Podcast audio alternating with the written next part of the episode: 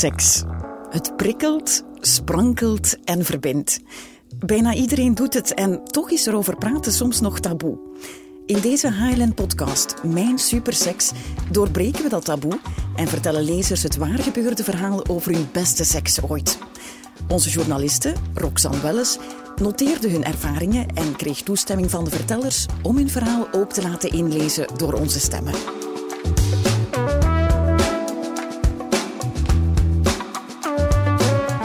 Je hoort het verhaal van Annick, die 30 jaar later prikkelende seks heeft met haar jeugdliefde Ron. Ik was 17 en hij 25. Hij was jong, slank, hij had het gedroomde figuur. Ieder meisje uit het dorp wilde hem, maar hij koos mij als vriendin en ik dolgelukkig natuurlijk. Kusje hier, kusje daar, veel verder ging dat niet. Zo gaat dat als je 17 bent. Tot we op een dag, we waren twee jaar samen, toch met elkaar naar bed gingen. Voor het eerst, op zijn vraag. De ervaren, knappe man die met mij wou vrijen. Ik, het onhandige, doodsbange gansje, totaal onwetend in wat er zou gebeuren. Maar wel vol vertrouwen in hem en in onze liefde. Helaas kwamen mijn ouders na een paar maanden te weten dat we met elkaar gingen. Er volgde een bittere discussie. Ik kreeg huisarrest en hij kreeg van zijn ouders de opdracht om de zaak over te nemen, zodat hij geen tijd meer had voor een vriendin. Onze relatie verwaterde, maar uh, zoals het spreekwoord gaat, oude liefde roest niet. Twintig jaar later kwam ik hem door mijn werk opnieuw tegen. Ons weerzien was kort. Ik was zwanger, dat zag hij ook. We babbelden een tiental minuutjes bij. Ik zei dat ik getrouwd was en eigenlijk best gelukkig in mijn huwelijk. En hij had een vriendin waarmee hij de zaak runde.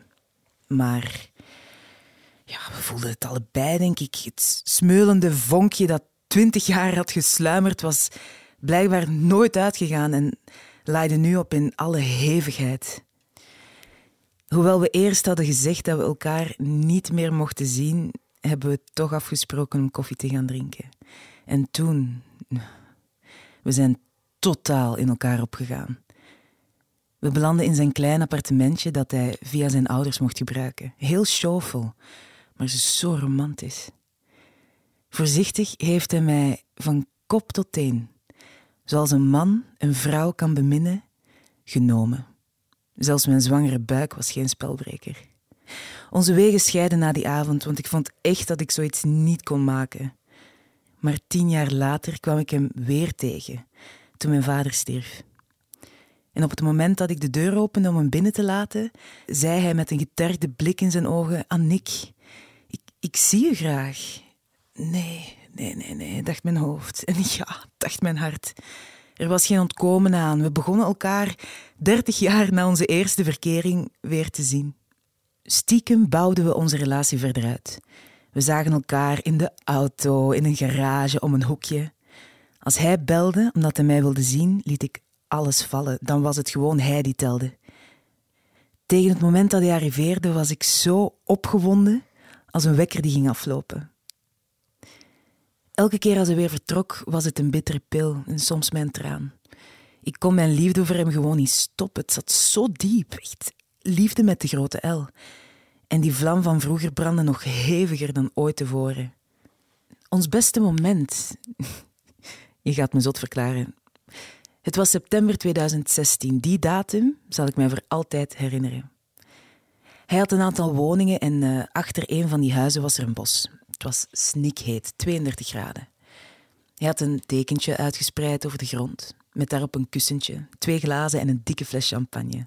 Het was heel stil, niemand kon ons zien. Hij schonk mijn glas vol en zachtjes begonnen we te zoenen.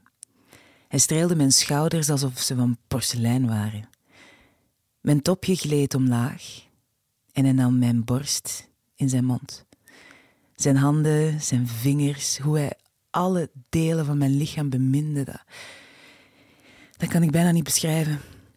Plots pakte hij de ijskoude fles champagne en goot een beetje over mijn hals.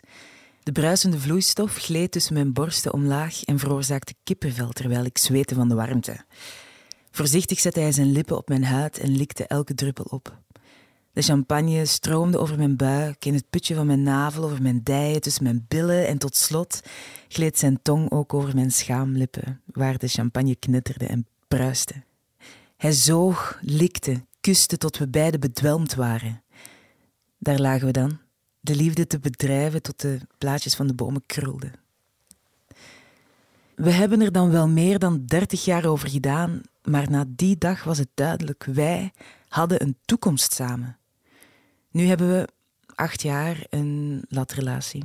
Ik ben intussen 57 en gescheiden van mijn man, omdat ik bij Ron wil zijn. En hij en zijn vriendin leven gescheiden, maar nog wel in hetzelfde huis. Dat is niet zo makkelijk. We wachten tot hij met pensioen gaat en de zaak verkoopt. Dan bindt niets hem nog aan zijn vriendin en kunnen wij eindelijk samen gaan wonen. Dan moeten we niet meer zo stiekem doen. Onze seks vandaag is nog altijd super. De ene keer vlug en geweldig en passioneel en dan weer zo zalig, zo stil, zo voorzichtig. Hij kent mijn lichaam zo goed en ik het zijne. Ieder sproetje, ieder krulletje. Hij heeft zelfs een bepaald krulletje in zijn haar dat ik met mijn ogen dicht zou kunnen tekenen. We vrijen op de onnozelste uren, op de onnozelste plaatsen en als we elkaar moeten missen, sturen we elkaar berichten. Ja. Onze sms'jes zitten vol emojis die niet voor andere ogen zijn bestemd. Soms zit ik op mijn werk en krijg ik een acute aanval van gemis en dan stuur ik een pikante sms. Het resultaat laat meestal niet zo lang op zich wachten. We spreken dan zo vlug mogelijk af, hongerig als twee leeuwen die al dagen niet hebben gegeten. Als mijn schatje weg is, loop ik vaak door het huis op wolkjes met mijn hand op mijn buik, waar hij net nog is geweest, en voel ik zijn handen terug op mijn lichaam krioelen. En als ik dan het liedje hoor van Guus Meeuwis, Het is een nacht, en hij zingt... Het is een nacht waarvan ik dacht dat ik hem nooit beleven zou. Ja, dan ga ik zweven van geluk.